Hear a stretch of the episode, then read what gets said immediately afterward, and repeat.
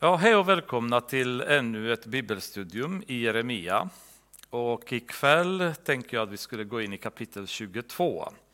Jag eh, vill tacka alla er som orkar ta sig igenom Jeremia ihop med mig. Det är inte lättaste boken att gräva igenom, men oerhört spännande när man väl eh, kommer på djupet av det.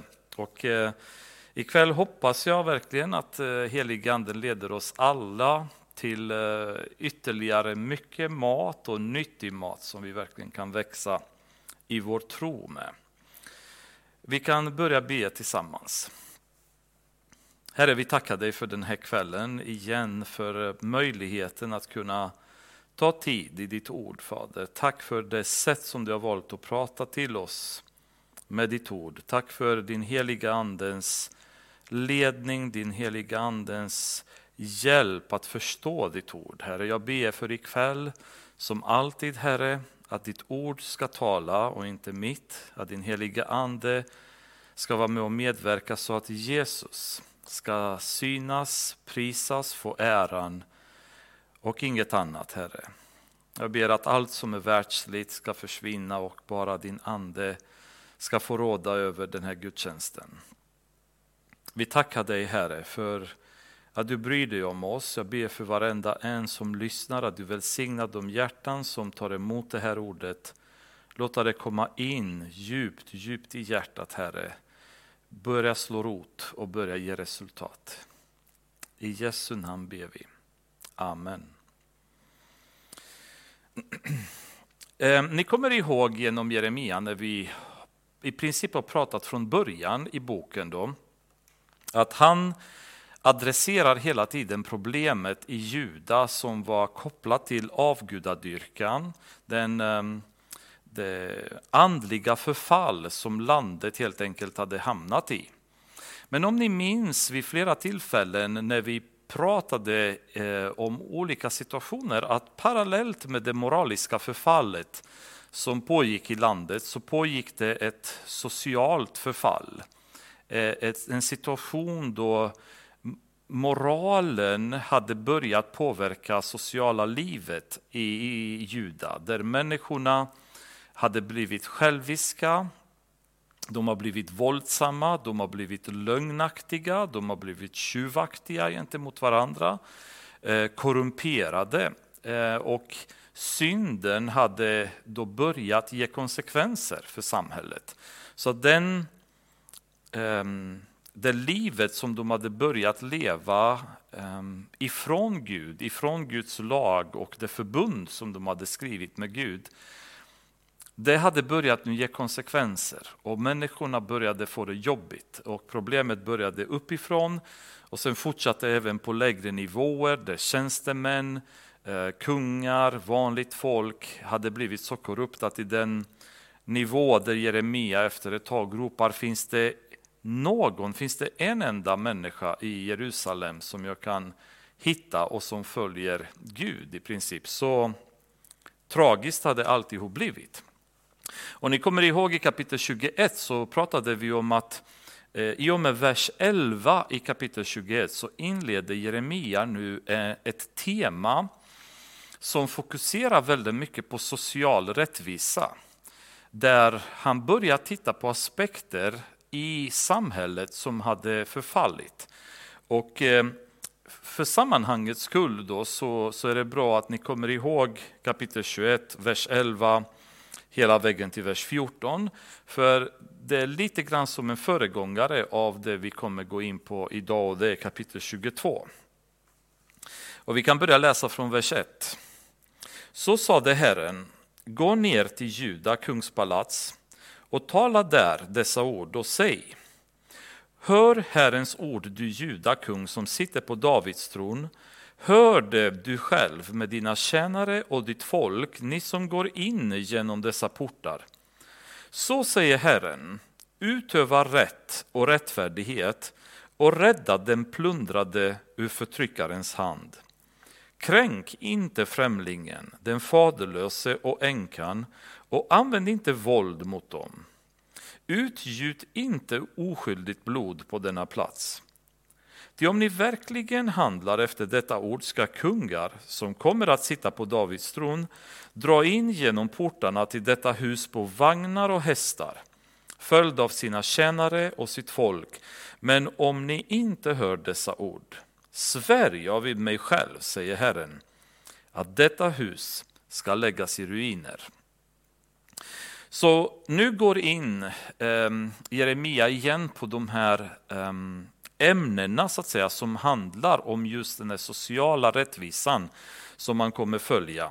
Och kontentan av alla de här verserna tillsammans, som man kan ha lite grann som ett motto, vad han säger är Följ inte köttets begär utan fokusera på Guds vilja.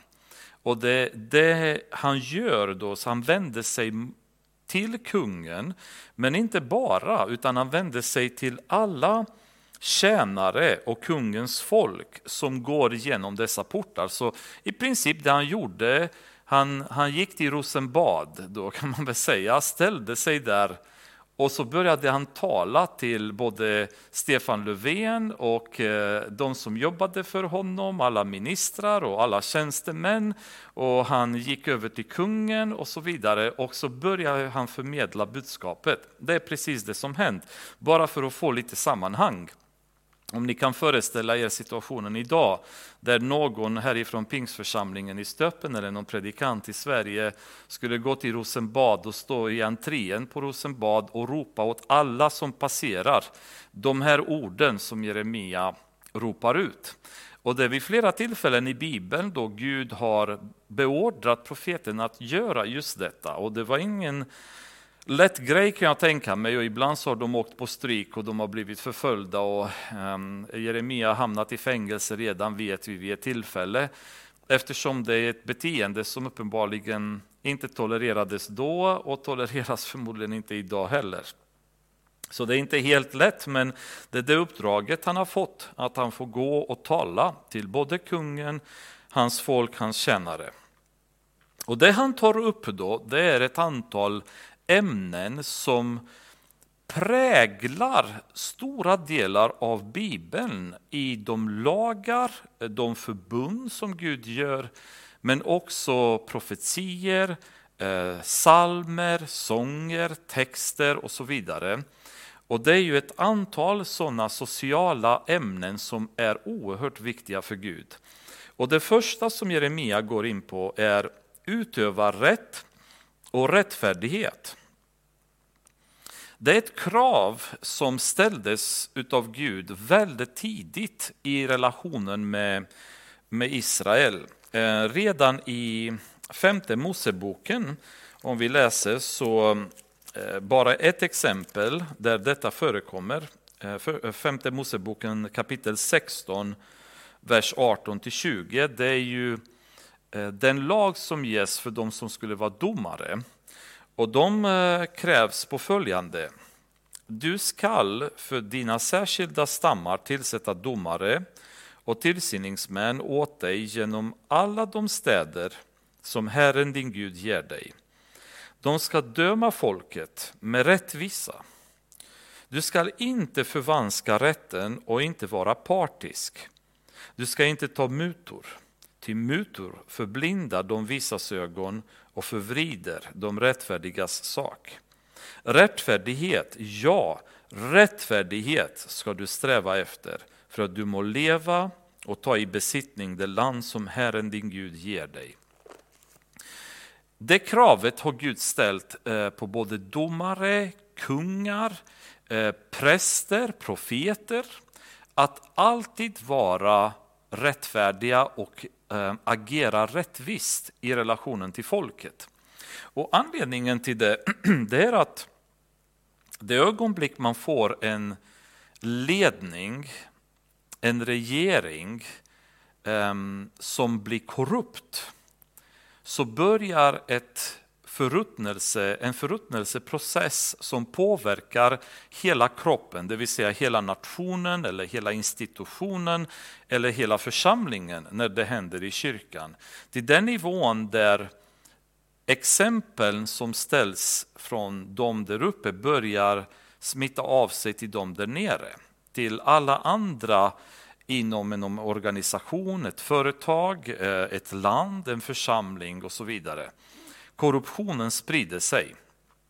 Och eh, Östeuropa och hela mutsystemet, korruptionssystemet som har varit där till exempel, är ett praktexempel på just detta. Där länder har fått regeringar som har varit genomkorrupta och korruptionen har spridit sig hela vägen ner i systemet till de allra minsta i landet där eh, en, en gatsopare kanske inte ville sopa framför din, ditt hus om du inte mutar och en dörrvakt släpper inte igenom dig på ett sjukhus om du inte mutar och så vidare. Och det blir en, ett fenomen som har börjat uppåt, spridit sig neråt genom hela systemet.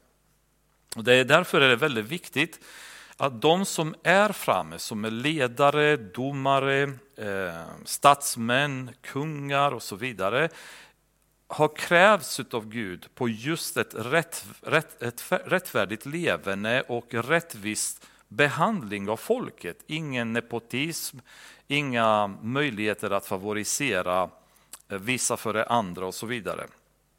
Och Det är ju väldigt viktigt att att ha det begreppet även inom församlingen. För även inom kyrkan genom åren så har det varit väldigt mycket problem i församlingar med att eh, uppåt så har det varit ehm, oenligheter, oegentligheter, att människor har behandlats orättvist utav präster, pastorer, äldste medlemmar och så vidare.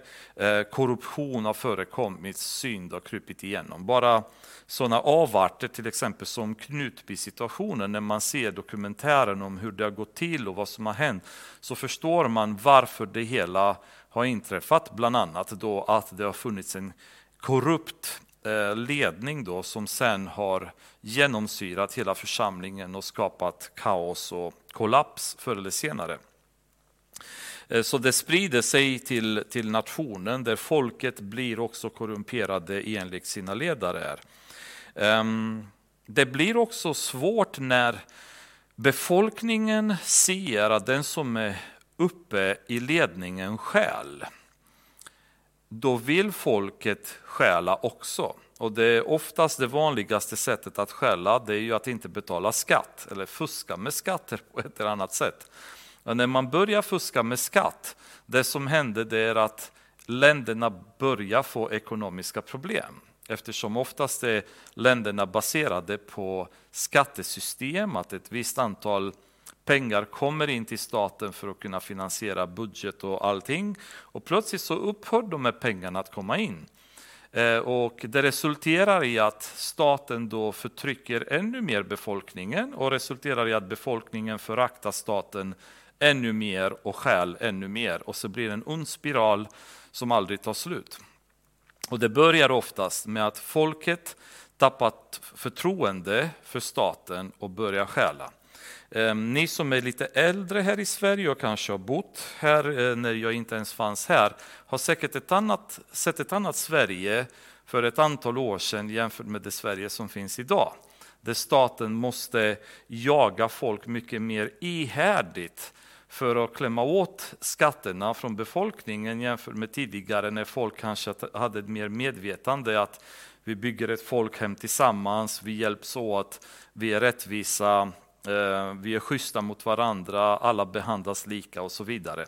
Men allt eftersom detta har börjat eroderas i samhället så har folket också börjat reagera på att inte gärna vara med längre, inte gärna betala skatt, inte gärna bidra lika glatt. Då. Ehm, och likaså att man inte är lika glad på att ställa upp för landet. Eh, är det en, en situation där det, det är tufft för landet, eh, ett, en nöjd befolkning har inga problem att göra stora uppoffringar. Men när det går tufft för landet och befolkningen litar inte på sina ledare, på regeringen och statsmännen, då ställer de inte upp. Eh, de eh, undviker att vara med och hjälpa till i volontärt arbete, till exempel eh, vara med i krig, anmäla sig frivilligt till att göra saker, utan tvärtom, man försöker undvika, fly undan, komma med alla möjliga ursäkter för att slippa vara med och bidra till det gemensamma bästa. Så hela den mentaliteten av enighet i ett land urholkas. Och det är precis det som har hänt i Israel. För att i början när de kom ur Egypten under Josuas tid, när de kom in i Kanaan, då var folket extremt enade kring Josua. Och eh, de så att säga, följde honom eh, väldigt troget. Och det var en, en, en nation som jobbade som en enhet. Ehm, allt eftersom sen eh, domarperioden kom därefter med ett antal problem med avgudadyrka och så vidare. Sen kom man in i kungaperioderna där väldigt många kungar blev korrupta och så, så, så började hela systemet urholkas och tappa den här enigheten som Israel en gång i tiden hade haft. Då.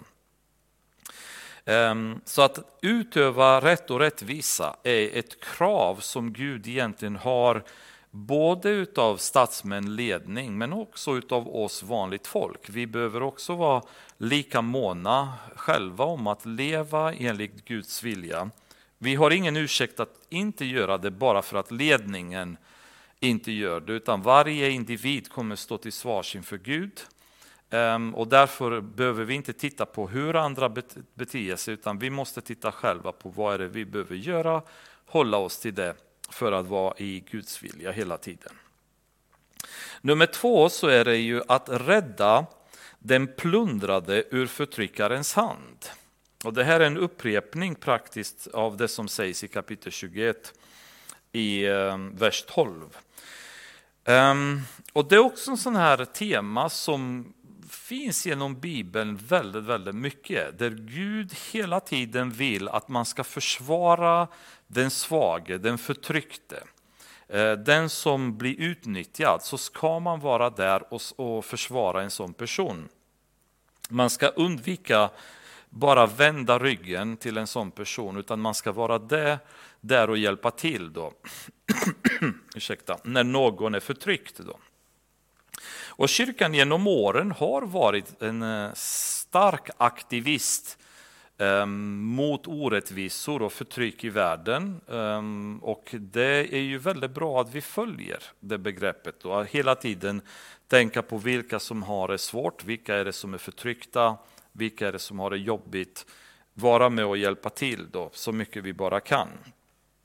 I psalm 82 så um, pratar Asaf om detta också. Och han säger så här.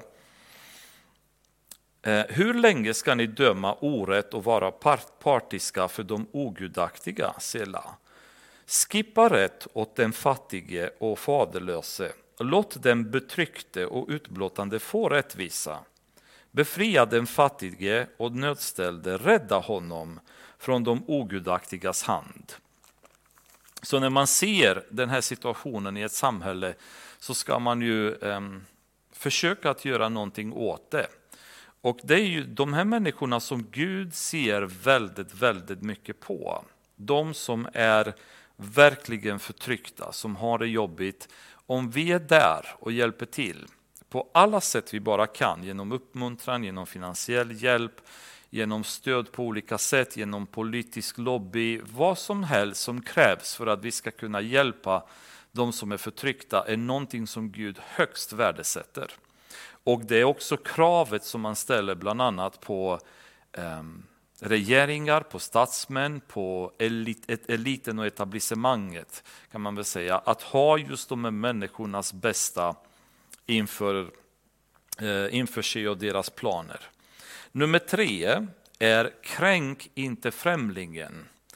Nummer fyra, det är kränk inte den faderlöse och änkan, använd inte våld mot dem. Så vi kan ta de här två tillsammans då, eh, att inte kränka, kränka främlingar och inte kränka faderlösa och eh, änkor. Och eh, vi kan ta nummer fem också, eh, som kommer hänga lite grann ihop, vi kommer läsa i Moseboken. Det är att inte utnyttja oskyldigt blod. Så att eh, de här sista tre kommer lite grann tillsammans oftast i de bud som Gud ger. Och vi kan öppna i Andra Moseboken, 22 kapitlet. Ehm, och det är ehm, precis efter de har kommit ut ur Egypten så börjar lagen formuleras. Och eh, i andra 22, vers 21 så står det så här. En främling ska du inte förödmjuka eller förtrycka. Ni har ju själva varit främlingar i Egyptens land. Änkor och faderlösa ska ni inte behandla illa. Om ni behandlar dem illa ska jag sannerligen höra deras rop när de ropar till mig. Min vrede ska upptändas och jag ska döda er med svärd så att era hus egna hustrur blir änkor och era barn faderlösa. Väldigt tydligt sagt från Gud att det här kommer jag inte acceptera. Om ni inte behandlar änkorna och faderlösa rätt och med respekt, utan ni förtrycker dem, ni förföljer dem, då kommer jag själv förfölja er. Jag kommer själv bestraffa er med svärd så att era fruar blir änkor. Så det är ingenting som Gud på något sätt tar lätt på. Hur man behandlar människor som befinner sig i utsatta lägen. Och på den tiden att vara änka eh, eller bli faderlös, det var en av de absolut mest besvärliga situationerna man kunde befinna sig i. Det var Eh, absoluta bottennivån av fattigdom och elände man levde i. Man hade ingenting, eh, mannen stod för allt och plötsligt var mannen borta. Kvinnan hade ingen möjlighet att försörja sig själv, att kunna avancera i samhället själv på något sätt utan att kunna ha en man som var nästan som en förmyndare över henne på den tiden. Därav vikten inför Gud att dessa just ska man ha extra mycket uppmärksamhet kring, hjälpa dem, stöta dem, aldrig bete sig oschysst mot dem, aldrig vara våldsam, aldrig utnyttja dem.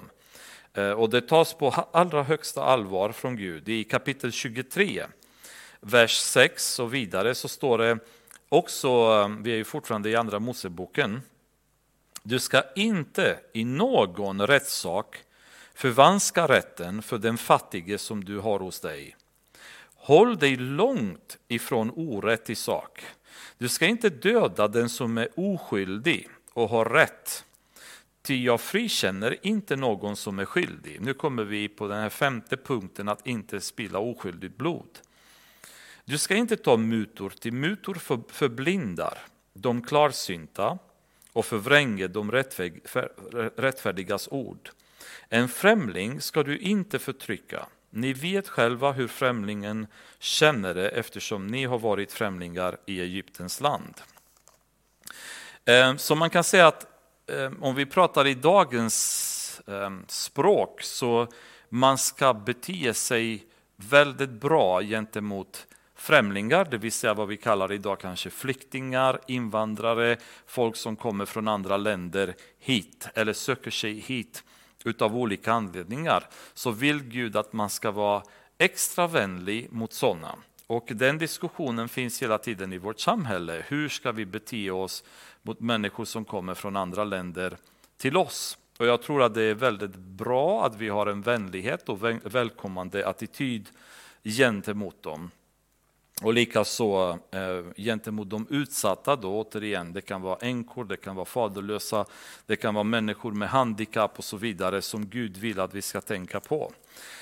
Eh, Jakob säger i eh, första kapitlet, eh, hela Jakobbrevet kan man väl säga handlar lite grann om huruvida vi som kristna kan vara kristna bara i teorin eller måste vi vara kristna i praktiken också? Man kan ju sammanfatta det hela så.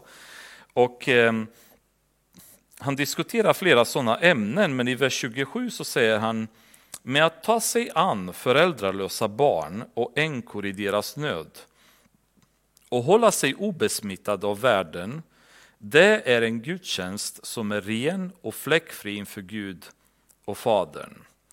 Så Jakob säger att om ni vill verkligen göra rätt för er, där har ni möjlighet att göra. Ta er an faderlösa, ta er an änkorna och se till att hålla er obesmittade, det vill säga lev inte i synd. Och där har ni svaret på hur ni ska leva inför Gud. Gud, Gud vill se praktiskt levande kombinerat med avhållsamhet från det som är synd. Det är ju precis det Gud ser det Gud värdesätter. Och det, det, är också vikten, återigen om vi går tillbaks, vikten av att inte spilla oskyldigt blod. Alltså att inte eh, ge sig på människor helt enkelt. Man kan eh, säga så här att att spilla oskyldigt blod så finns det väldigt många olika sätt man kan göra det på. Man kan starta krig som man aldrig skulle ha gjort och därmed döda massa människor i det kriget. Man kan eh, abortera massa foster som vi gör i Sverige. Ehm, tiotusentals barn, oskyldiga barn som vi dödar konstant och med samhällets ehm, godkännande, med regeringens godkännande, med statens godkännande, med ledarnas godkännande så mördar vi barn på rullande band i Sverige. Det är ju absolut kanske det mest oskyldiga blodet som någon kan eh, spilla. Vi kan ehm, döda människor helt enkelt, um, som en mördare skulle bete sig. Det finns ju jättemånga olika sätt man kan göra det på. Eh, I Bibeln så har vi en situation där vi ser hur Gud agerar när detta förekommit och det är ju i första kungaboken kapitel 21. Då var det kung, kung Ahab och drottning Isabella som eh, de hade, Ahab hade en granne som hette Nabot som hade en vingård i närheten av hans hus, alltså Ahabs hus. Och Ahab ville anlägga en trädgård, behövde lite mer mark, så han går till Nabot och säger eh, att jag är intresserad av och ta över din vingård. Och han erbjuder honom olika alternativ. Jag kan ge dig en vingård någon annanstans som är mycket bättre. Jag kan betala dig bra med pengar för det. Men poängen är att jag skulle gärna vilja komma åt din vingård. Och Nabot är ju inte intresserad för att han hade fått vingården i arv och därmed så känner han att nej men det här är ju familjearv, jag vill inte skilja mig ifrån det. Ahab han blir väldigt sur, han drar hem, han slänger sig i sängen, vänder sig med ansiktet mot väggen, surnar till, vill inte käka mat för att han är jätteirriterad över det. Ehm, jag skulle nog aldrig ge upp mat kan man säga, hur, hur trist livet är. Alltså, maten vill jag ändå ha. Så han måste ha varit väldigt, väldigt materialistiskt orienterad att lämna mat bara för att han inte kunde ha fått en vingård. Men det är en annan story. Hur som helst kommer Isabella in, ser honom ledsen där. Vad händer? Ah, jag är lite sur, jag ville ha den här vingården och kunde inte komma åt det. Eh, han vill inte sälja. Åh, säger Isabella, det här fixar jag lätt som en plätt, du är ändå kung. Då skickar hon massa förfalskade brev med Ahabs signatur till eh, lokala härskarna kan man väl säga i det område där Nabot bodde. Där de eh, sätter ihop en plan där falska vittnen ska komma vid en samling och anklaga Nabot för att han har förbannat kungen och Gud. Ehm, och de här snubbarna kommer dit, han blir anklagad för det, han blir ehm, släppt ut ur eh, samlingen och ehm, dödad. Och då är Ahab väldigt glad, nu kan han ta över vingården. Men Elia skickas utav Gud och eh, han kommer till Ahab och säger att eh, du tror att du kommer undan med det här, ungefär vad Elia säger. Men det gör du inte. Utan på samma ställe som Nabot har dött så kommer hundarna slicka ditt blod. Och det, Gud kommer liksom straffa dig för vad du har gjort. Och eh, Det var ett sånt praktexempel för att förstå hur mycket Gud är mån om att den oskyldige inte ska ehm, dödas eller utnyttjas. Och han är där och försvarar den oskyldige, oskyldige direkt. Och det är ju för oss också tror jag som kristna, vi kanske inte alltid att vi kommer att svinga svärd mot någon som är oskyldig. Men um, om man är kristen och um, har råkat kanske mm, bli gravid så bör man tänka väldigt noga på detta och inte känna frestelsen att göra en abort. För att det är en hemsk handling um, att göra oavsett hur man resonerar kring att det är min kropp, jag gör som jag vill. Hela den där biten, det håller inte. Det man gör är att man tar ett liv helt enkelt. Um, och vi kanske kristna har inte, inte nödvändigtvis varit ute och dödat folk, men eh, tyvärr så har aborter även bland kristna inte, de är inte helt eh, ovanliga numera och det är ju bra att ha i åtanke att åtminstone i vår församling förhoppningsvis så ska detta inte förekomma. För Gud, om vi pratade förra gången, om vi kommer ihåg, varenda synd har en konsekvens. Man kommer inte undan syndernas konsekvens och förr eller senare så drabbar det en hårt. Jesus eh, har själv eh, kan man säga uppfyllt detta när han pratade eh, att han skulle kommit nu för att hjälpa de blinda, han kunde hjälpa de svaga, precis som Jesaja hade profeterat. Så Jesus, hela hans liv, hela hans verk har gått ut på just att hjälpa människor. Att ta sig an människor som hade det tufft, som hade det jobbigt. Ehm, och han aldrig försökte att anklaga, döma, utan hans ständiga mål var att hjälpa, att bygga upp, att bota, att förlåta. Och det är ju precis det som är förväntningen, förväntningen för oss att göra. För grejen är som så att ehm, de välsignelser som vi har, Paulus säger till korintierna att ingenting ni har, har ni tjänat själva, utan ni har fått. Och om ni har fått, varför skryter ni över det ni har fått? Och lika mycket kan man säga att det vi är, det vi har, är en gåva från Gud. Vi har blivit välsignade, vi är rika, vi har det gott, vi har det bra, vi har mer än vad vi behöver.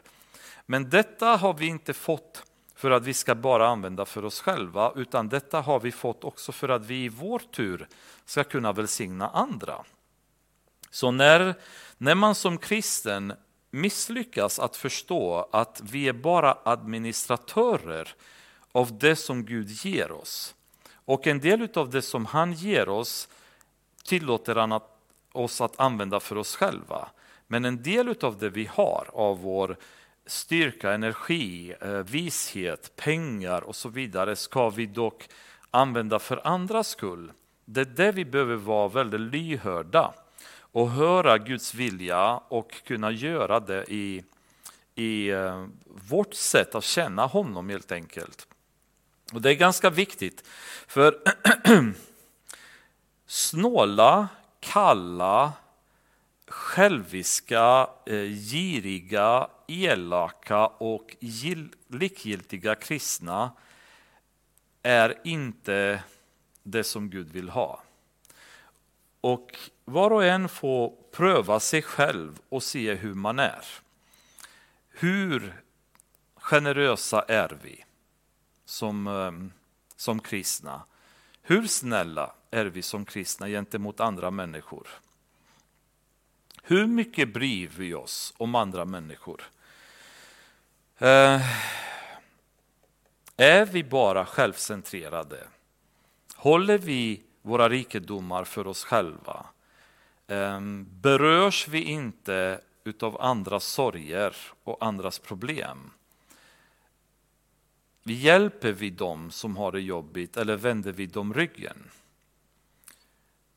Och jag tror att det är väldigt, väldigt viktigt att vi tänker på det, för att Gud säger i sista versen här i Jeremia 22, vers 5 som vi har läst, men om ni inte hör dessa ord svär jag vid mig själv, säger Herren, att detta hus ska läggas i ruiner.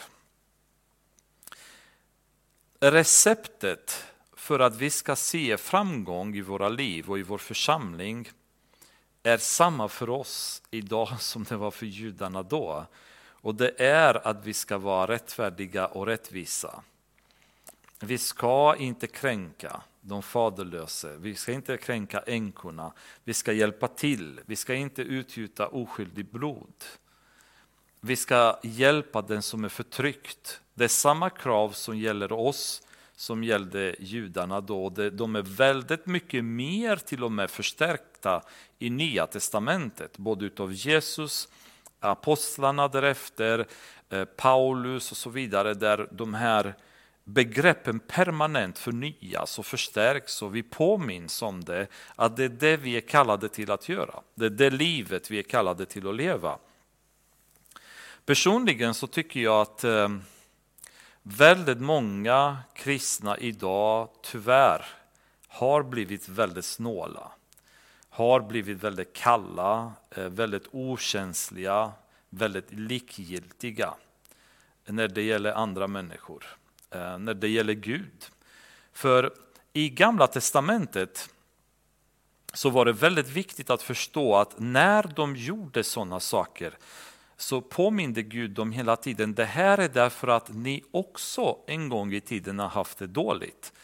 Och ni har blivit hjälpta att komma från Egypten, ni har blivit hjälpta att ta er igenom öknen och så vidare. Nu ska ni själva också vara generösa. Det var ett tecken att visa Gud tacksamhet.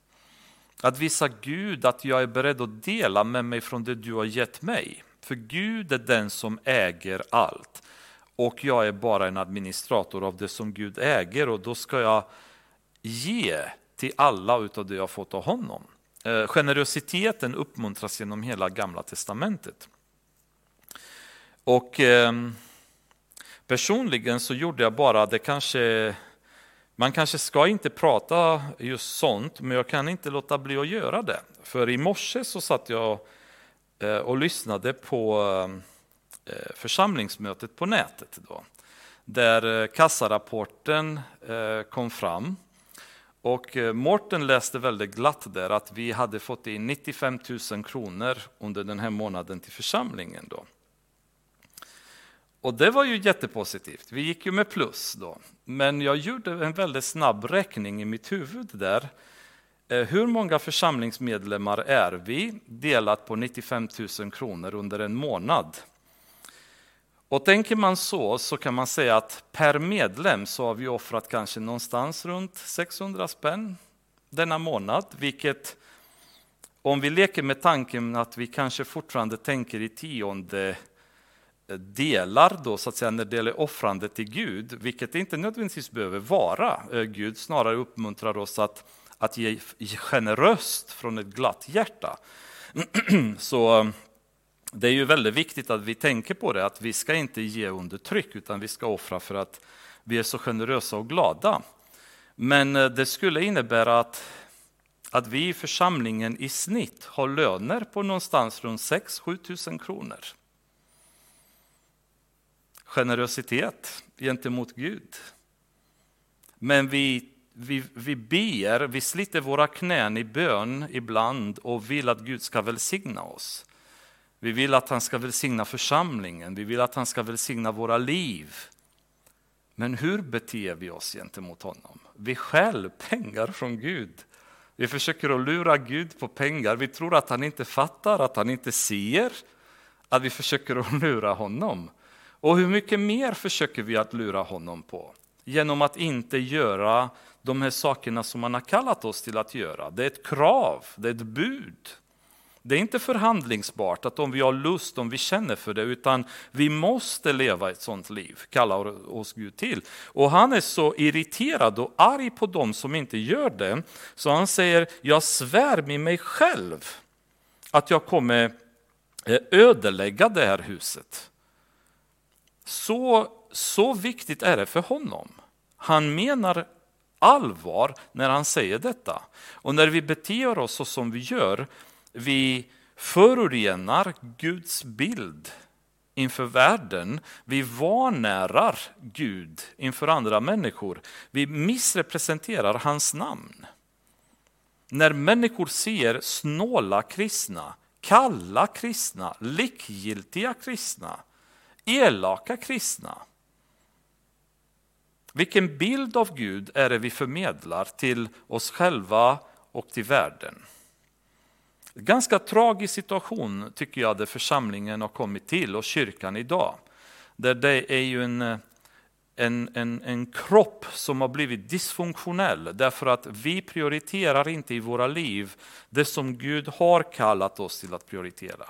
Inte formalian har han kallat oss till att prioritera, utan Jakob säger om ni vill veta vad äkta religion är, där har ni svaret. håll er ifrån synd, tänk på faderlösa och änkor. Följ Guds bud i era liv. Där kommer ni se att det är ju den sköna relationen med Gud. Och eh, Problemet med icke-generositet, att inte hjälpa andra människor, det är också att då betyder det att vi har en sån, sån kass relation med Gud. Så vi har inte, inte ens förstått idag vem Gud är. För om jag förstår hur allsmäktig Gud är, hur mycket han kontrollerar allt, hur mycket han kan välsigna mina liv, mitt liv precis så mycket han vill, då skulle jag förstå att det finns ingen anledning för mig att någonsin vara snål. Att någonsin vara rädd att hjälpa någon annan, att ägna tid åt att hjälpa någon annan eller att plocka lite pengar ur fickan och ge till en person som är i nöd. Eller att, att gå och besöka någon som är sjuk och behöver mig då. För att, att anledningen till att jag inte gör det, det är att jag är hela tiden fokuserad på här och nu.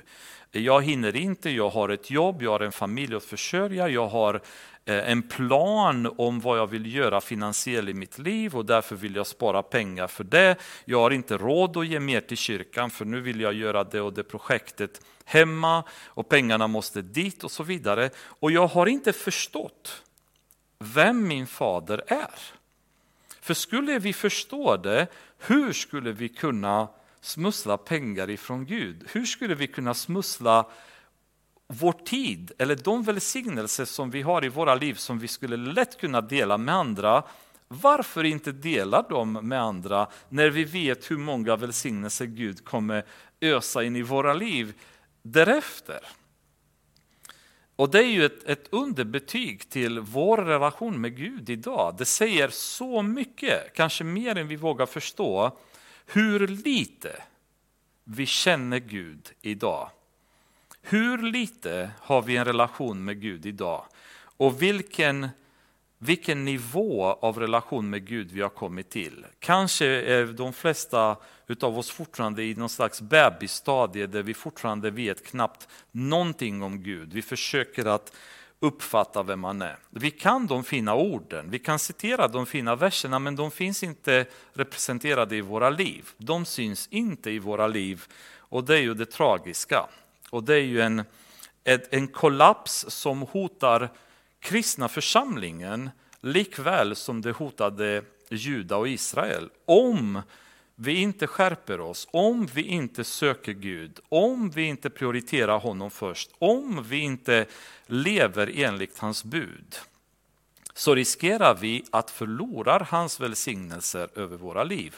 Nu pratar jag inte om att vi förlorar frälsningen, den har vi. Den har vi fått inte på grund av det vi har gjort, det har vi fått genom Guds nåd. Men med Guds nåd nu så ska vi leva ett rättvist liv, ett heligt liv är vi kallade till att leva. Och läser man Jakob så är det ju bara uppmaningar till äkta kristet praktiskt levande, där vi ska visa med våra liv vad vi tror på. Och Gud är ju väldigt noga med detta. Ehm, det är ett krav han har och det kommer konsekvenser även här om vi inte uppfyller de kraven. Vers 6. Så säger Herren om Juda kungahus. Som Gilead är du för mig, som Libanons topp. Men jag ska sannerligen göra dig till en öken till städer där ingen bor. Jag ska inviga fördärvare mot dig, var och en med sina vapen, och de ska hugga ner dina ståtliga sedrar och kasta dem i elden. Många hedna folk ska gå förbi denna stad och man ska fråga varandra varför har Herren gjort så mot denna stora stad? Man ska då svara därför att de övergav Herren sin Gud, Guds förbund och tillbad andra gudar och tjänade dem. Gilead var ju en eh, Gilead och Libanon, de eh, citeras alltid i Bibeln som väldigt vackra ställen, ställen där eh, det är underbar natur och de hade, man kallade det för balsamet från Gilead, kanske ett ställe som var känd för sina behandlingar eller medicinska lösningar. Någon slags retreat där folk kanske åkte till förr i tiden. Um, vackra ställen, fina områden där folk såg fram emot att komma till. Och Gud säger allt det här kommer jag ödelägga på grund av er synd.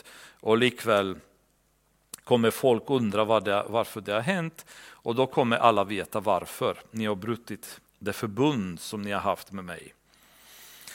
Vers 10. Gråt inte över den döde, sörj honom inte. Gråt istället över honom som vandrar bort, ty han ska aldrig mer komma tillbaka och se det land där han föddes. Ty så säger Herren om Salum, Josiasson, judakung, som blev kung efter sin far Josia och som har dragit bort från denna plats. Han ska aldrig mer komma tillbaka hit. På den ort dit han har blivit förd i fångenskap skall han dö och detta land ska han aldrig återse.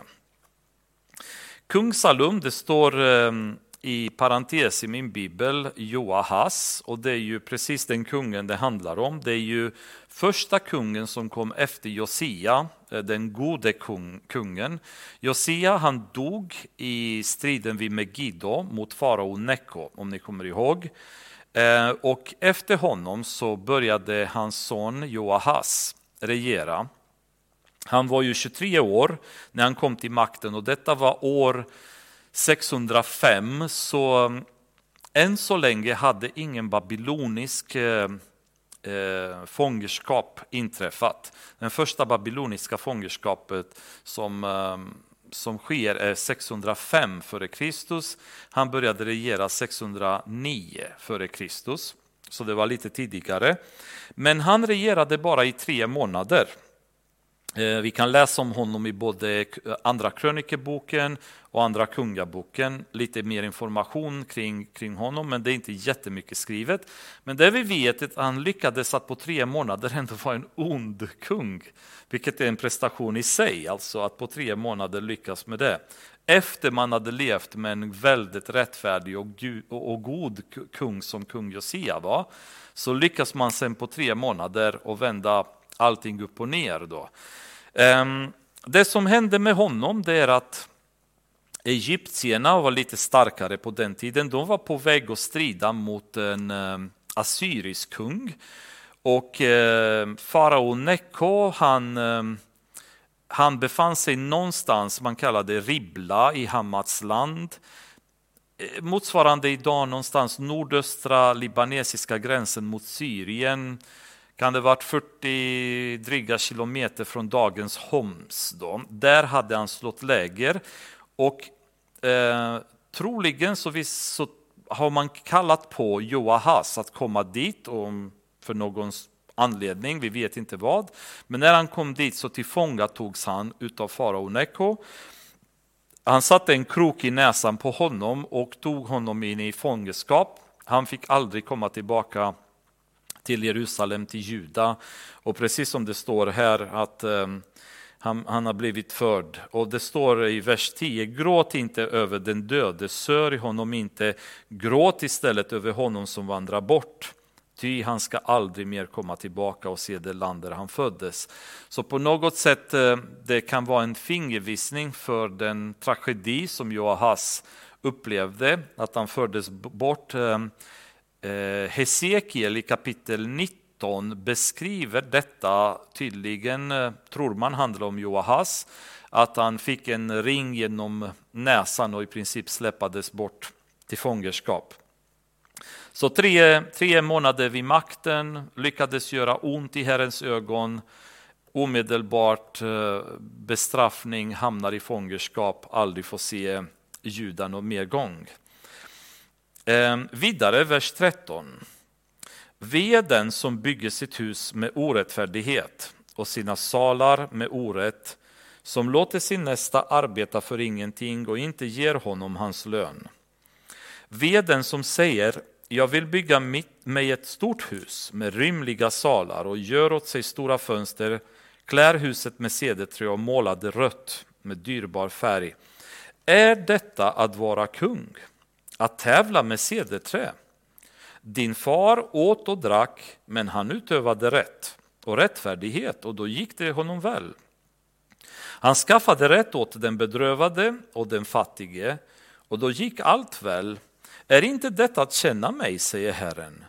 Men dina ögon och ditt hjärta står endast efter egenvinning och att utgjuta oskyldigt blod och att utöva förtryck och våld. Därför säger Herren så om Jojakim, Josias son, juda kung. Ingen skall hålla dödsklagan efter honom och ropa Åh, min broder, åh, min syster. Ingen ska hålla dödsklagan efter honom och ropa Åh, Herre, hur ståtlig han var. Som man begraver en åsna ska han begravas. Han ska släppas bort och kastas ut långt utanför Jerusalems portar. Då är vi inne på andra kungen då efter Joahas och då är det hans bror som på den tiden hette Eliakim. Men eh, efter att farao Neko eh, förde bort Joahas så utnämnde han Eliakim som kung och nämnde om honom till Jojakim. Eh, och nu är det den vi pratar om. Han, han var bror till Joahas och fortfarande son till Josia, den gode kungen. Han var ju 25 år när han började styra och han styrde landet mellan 609 och 598 f.Kr. Så under hans regeringsperiod inträffade den första babyloniska fångenskapet, det vill säga 605. Och om ni kommer ihåg, det var under det, det, det tåget då som Nebukadnessar ledde in mot Jerusalem, då Daniel blev fånge och tagen till Babylon. Då. Så det, det handlar om samma period under kung Joakims regeringsperiod. Då, så inträffar det här. Och eh, Joakim eh, visade sig vara en väldigt eh, ond kung. Han regerade i elva år totalt. Eh, och han citeras så att säga som att vara en ond kung. Det som händer är att när farao Neko kom över eh, landet då så pålade han väldigt hårda skatter. Eh, ganska stora mängder silver, guld och så vidare som de var tvungna att skicka till egyptierna. Men eh, man kan tycka att när situationen är som den är, att kungen i sig försöker nu att var rättvis, mobilisera landet, försöka lösa situationen. Medan Joakim istället så säger Jeremia, han drar igång ett väldans projekt där han bygger sig väldigt fina palats i cederträd och med vackra målade väggar. Eh, uppenbarligen väldigt mycket pengar som investerades i detta. Eh, väldigt mycket folk som fick arbeta som slavar åt honom, vilket enligt lag var det förbjudet. Och dessutom så visade det sig att han inte ens betalade dem lön utan utnyttjade helt enkelt folket. Troligen en ganska elak kung som eh, det står att han spillde oskyldigt blod. Och eh, satsar helt enkelt på en megalomaniskt projekt där han försöker att berika sig, bygga sig häftiga hus samtidigt som landet går på knäna på grund av Eh, Eh, den ekonomiska situationen som resulterade på grund av farao Neko. Eh, för att också kunna bekosta de här projekten och samtidigt betala egyptierna så ökade beskattningen i landet väldigt mycket, vilket blev väldigt svårt för folket att hantera. Så fattigdomen ehm, ökade under den här perioden, men han var helt ointresserad av, av, eh, av detta på något sätt um, Kung Salomo i um, första kungaboken, femte kapitlet eh, uh, 13 och 14. Han hade också i sin tur, när han bestämde sig att bygga templet, så tydligen så hade han börjat beskatta folket ganska mycket för att dra in pengar till att bygga templet.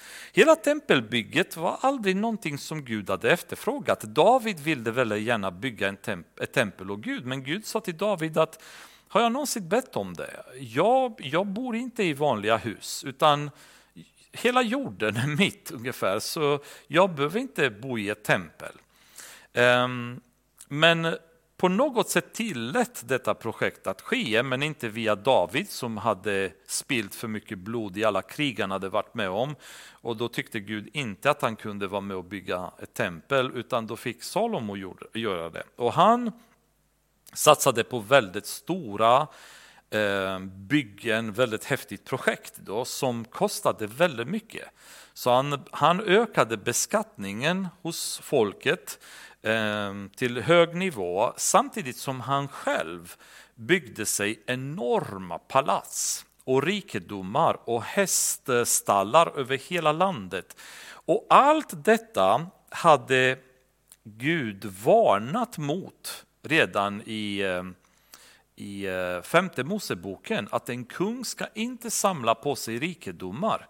En kung ska inte samla på sig massa hästar.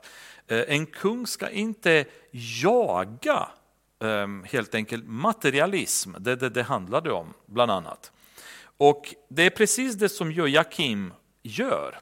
Och det Gud säger till honom i vers 15 är din far åt och drack men han utövade rätt och rättfärdighet. Med andra ord, din far Josia, han levde som en kung. Han njöt av sina kungliga förmåner. Han, han hade det bra. Men han gjorde sitt jobb också. Han tog hand om folket. Han var en rättvis kung. Han rev altarna som var till Baal och Aseror och så vidare runt om i landet. Han skötte sin uppgift som kung exemplariskt. Och då blev han välsignad och, och då, då unnar jag honom att han ska äta och dricka och leva som en kung. Han behöver inte leva som en tiggare om han är kung. Men han måste sköta allt annat. Han måste söka min vilja, inte söka finansiell um, framgång eller materialism. Då. Joakim gjorde precis tvärtom. Han ignorerade Gud, lät avgudadyrkan explodera, korruptionen öka och han var preokuperad hela tiden med att bygga sig fina palats och fina hus och berika sig själv. Och eh, Man kan säga att när Salomo började beskatta folket så ökade missnöjen eh, och pyrde lite grann i nationen. När han dog så kom hans son Rehobiam, som skulle styra landet. Men då kom en annan herre som hette Jerobeam som hade väldigt mycket av folket bakom sig och kom till Rehobeam och sa att nu måste, nu måste du vara lite snällare mot oss och inte förtrycka oss med de skatter som din far Salomo gjorde. Med andra ord, folket hade fått nog. Rehobeam går och konsulterar de äldre rådgivarna som hade varit med och jobbat under Salomo och säger vad ska jag göra? Och de sa till honom att eh, ja, det, de har nog rätt. Liksom. Det, det, de har varit förtryckta hårt och skattetrycket alltså har varit tufft. Du måste vara snällare mot dem. Istället för att lyssna på dem så går Rehobiam till sina yngre kompisar som han hade vuxit upp med och frågar dem också ah, vad tycker ni jag ska göra? Och då säger de till, eh, till honom att nej, det är strunt i dem, utan säg eh, om, om ni tyckte att det var tufft under Salomo så blir det mycket tuffare nu under mig. Vilket han gör och eh, leder till att Israel splittras. Eh, tack vare det beslutet Jerobiam eh, startade Nordiska riket och Rehobiam har det södra riket, där innehöll Juda och Benjamin, alla andra stammarna tillhörde Nordiska riket. Och det var beslutet kring en övertaxering av befolkningen då, som ledde till kollapsen i Israel. Och vad säger vi idag kan man väl säga om skatter, vi kristna? Eh, vi citerar oftast Jesus som säger ge Caesar det som är Caesars. Och det är precis det vi är kallade till att göra. Vi är kallade till att ge staten det som är statens. Däremot är likväl staten i sig kallad till att agera rättvis kring beskattande av folket. För skatterna i Gamla testamentet var för att dels stödja leviterna som jobbade som tjänstemän så att säga för runt omkring templet, att stödja prästerna som arbetade i templet och de hade inget annat jobb, kunde inte göra något annat. Och för att också hjälpa till i de sociala projekten som fanns. Det vill säga var tredje år till exempel så fick folk ge 10 procent av deras inkomster som gick raka vägen till de fattiga. Och fattig på den tiden betyder att man arbetar men har svårigheter att förse sina behov. För de som inte arbetade står det också i Gamla Testamentet att man ska låta dem vara. De får dö. Om de inte vill jobba så får de dö av svält. Det fanns inget ansvar att hjälpa de lata. Ansvaret låg i att hjälpa de som ansträngde sig, gjorde så gott de kunde, men orkade inte förse sig med det de behövde. Kanske hade stora familjer, eh, fick för dåliga löner eller det de jobbade genererade inte tillräcklig tillväxt i jordbruk och så vidare. Då fick man tänka på dem och hjälpa till. Och då var det ett sätt istället för att Gud sa till folket att allt ni äger är mitt, att ni får en skörd ni får det därför att det är jag som ger er solen, det är jag som ger er regnet, det är jag som sköter allt. Så för att betala Gud en ränta för det som Gud gav folket så fick de då nyttja detta till att hjälpa de behövande, de fattiga, änkorna, faderlösa och så vidare. Så hela skattesystemet i Gamla Testamentet var tänkt att kunna hjälpa de som har svårt att hjälpa sig själva, som inte klarar det. Skattesystem därefter har blivit perverterat och används väldigt många gånger till och med tvärtom. Där fattiga behöver betala skatt för att finansiera de rika. Eller finansiera projekt som inte alls har med bekämpande av fattigdom eller elände att göra. Och det är där som jag upplever att vi kommer i den ogudaktiga i skattesystemet där Staten beskattar folket för att förtrycka folket snarare för att, för att hjälpa folket. Sen i teorin så sägs det alltid att vi gör det för att hjälpa de fattiga och så vidare. Men väldigt mycket av skatterna som till exempel vi betalar idag i Sverige går inte till att hjälpa de fattiga eller till skola, vård och omsorg, de sociala projekten som vi tillsammans har bestämt att bygga upp, utan de går till så mycket annat som inte har med bekämpande av fattigdom eller, eller eh, finansierande av sociala projekt. Och där blir lite grann problemet, för då blir det staten en förtryckare som börjar förtrycka folket och riskera att göra folket fattigare och fattigare genom det förtrycket. Och det är ju den biten som Gud inte tycker om. Däremot så tycker han väldigt mycket om när folket går tillsammans och bestämmer sig att bidra för att hjälpa till där behov finns. Att inte är girig och vara beredd att ge. Och i den bemärkelsen som ger Gud ett antal bud till exempel om hur skörderna skulle skötas, där man får aldrig skörda två gånger till exempel. Om du går och skakar ett olivträd en gång så skördar du de oliverna som du får, sen går du vidare. Du får inte komma tillbaka och skaka trädet en gång till, utan det som är kvar i trädet ska vara för de fattiga sen. Men vad gör de fattiga? I, I vår värld så skulle vi plocka de andra oliverna också från träden och sen gå och ge dem till de fattiga i någon slags socialt projekt. Men där var det ju tvärtom. Där kom de fattiga sen och jobbade för att tjäna sitt levebröd. De också gick och skakade i olivträdet och plockade oliver. Ni kommer ihåg Rut som gick på Boas fält och plockade själv axeln som lämnades av de andra arbetarna bakom. Då gick hon och jobbade för att tjäna sitt levebröd. Men de hjälpte henne genom att inte skörda två gånger, utan de skördade en gång och allting som blev kvar, då fick det vara för de fattiga. Medan i vårt system idag ibland med beskattningen och sociala hjälpen är att vi uppmuntrar lathet ibland istället för att hjälpa de fattiga. Och just de lata, de som inte ville jobba, de hjälptes aldrig. Utan Gud till och med hade sagt, de får vara. Liksom, den som inte kommer vilja jobba, den får dö av svält. var, var lagen. Så Gud vill lika mycket att rika som fattiga arbetar hårt. Och gör man det så är det så att vissa drabbas av situationer där trots hårt arbete kommer de ingen vart i livet, då kommer beskattningssystemet som hjälper dem att få hjälp. Då. Och det är ju precis det problemet som ibland förekommer även i vår värld, när regeringar och stater börjar beskattningsförtrycka befolkningen snarare än att nyttja skatterna till att hjälpa folket att höjas. Och det är exakt var gränserna går, det får var och en stå inför Gud och ansvara själv. Men i Bibeln är det ju en tydlig skillnad med, mellan hur skatterna ska användas.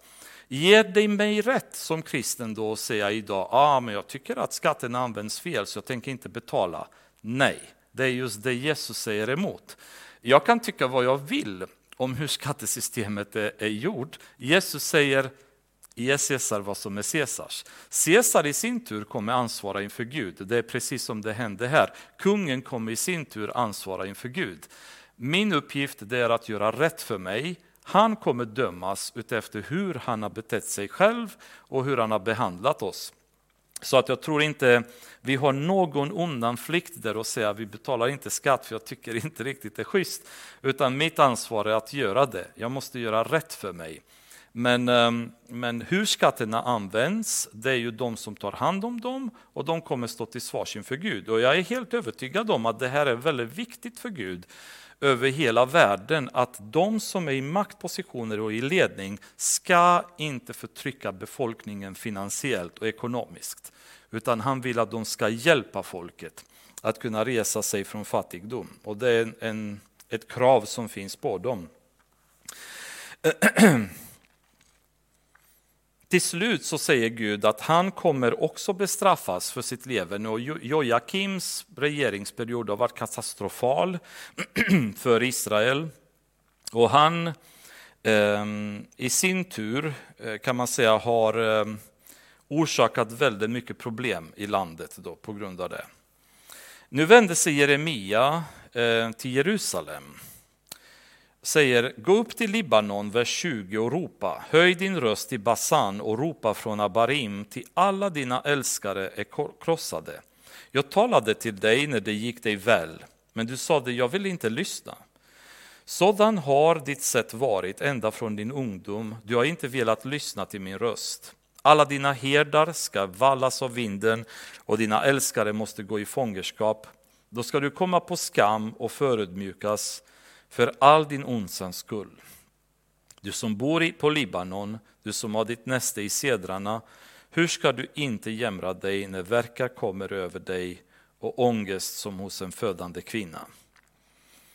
Så sant jag lever, säger Herren, om du Konja, Jojakims son, judakungen, vore en signetring på min högra hand skulle jag ändå rycka bort dig därifrån. Jag ska överlämna dig till de män som står efter ditt liv, till dem du är rädd för, nämligen Nebukadnessar, den babyloniske kungen och kaldéerna. Jag ska slunga dig och din mor, som har fött dig, bort till ett annat land där ni inte är födda, och där ska ni dö. Till det land dit de längtar att återvända ska de inte få komma tillbaka. Är då denne Konja ett föraktat sönderslaget kärl, en kruka som ingen vill ha? Varför har de slungats ut, han och hans avkomlingar, ja, kastats bort till ett land de inte känner? Då kommer vi in på den sista utav kungarna som är med i det här eh, temat som Jeremia då kommer med. Och det är ju Konia. Och han kommer med tre olika namn i Bibeln. Det är Konia, Jekonia eller Jojakin, vilket är ju det vanligaste namnet. Han kommer även i historieböckerna och, och hittas under. Och Jojakim eh, var den onde kungen som regerade i elva år och Jojakin med en på slutet, det var hans son. Och här är en liten eh, lurig situation som man kan säga att eh, folk som kanske gillar att ifrågasätta Bibeln skulle bli väldigt glada att påpeka. Och det är nämligen så att om man läser i andra krönikeboken kapitel 36, vers 9. Där står det att att Jojakin var åtta år när han började regera. I Andra Kungaboken, 24 kapitlet, vers 8, så står det att Jojakin var 18 år när han började regera. Um, och ibland ni vet att folk gillar att hitta misstag i Bibeln och så fort de hittar någonting så säger de bara jag kan inte tro på Gud för titta det är fel. Så för, om det är någon som lyssnar på detta som har förhindrats för att hitta frälsningen i Jesus på grund av den här situationen så kan jag hjälpa er att förklara så att ni kan hitta vägen till frälsning och inte ha något problem med så kallade motsägelsen. Och det, det som hände var att Jojakin, han började samregera med sin pappa Jojakim när han var eh, åtta år. Han samregerade med Jojakim i tio år och sen när Jojakim försvann så tog Jojakim över eh, regeringsmakten då i, i Jerusalem.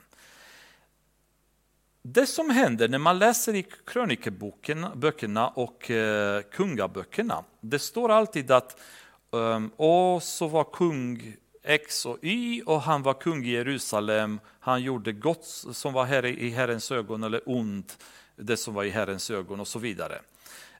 Därför att hela tiden att vara kung i Jerusalem innebar per automatik att han var kung i Juda också.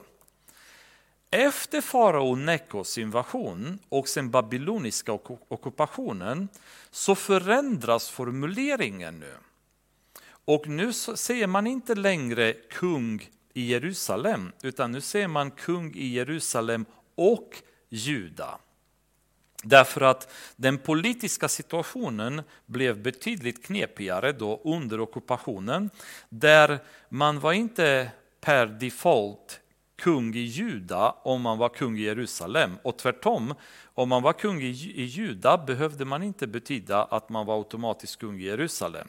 Och under Jojakims tid så var det en sån här period då det fanns en viss regens där Jojakin, hans son, han var ju också regerande kung till, ihop med sin pappa.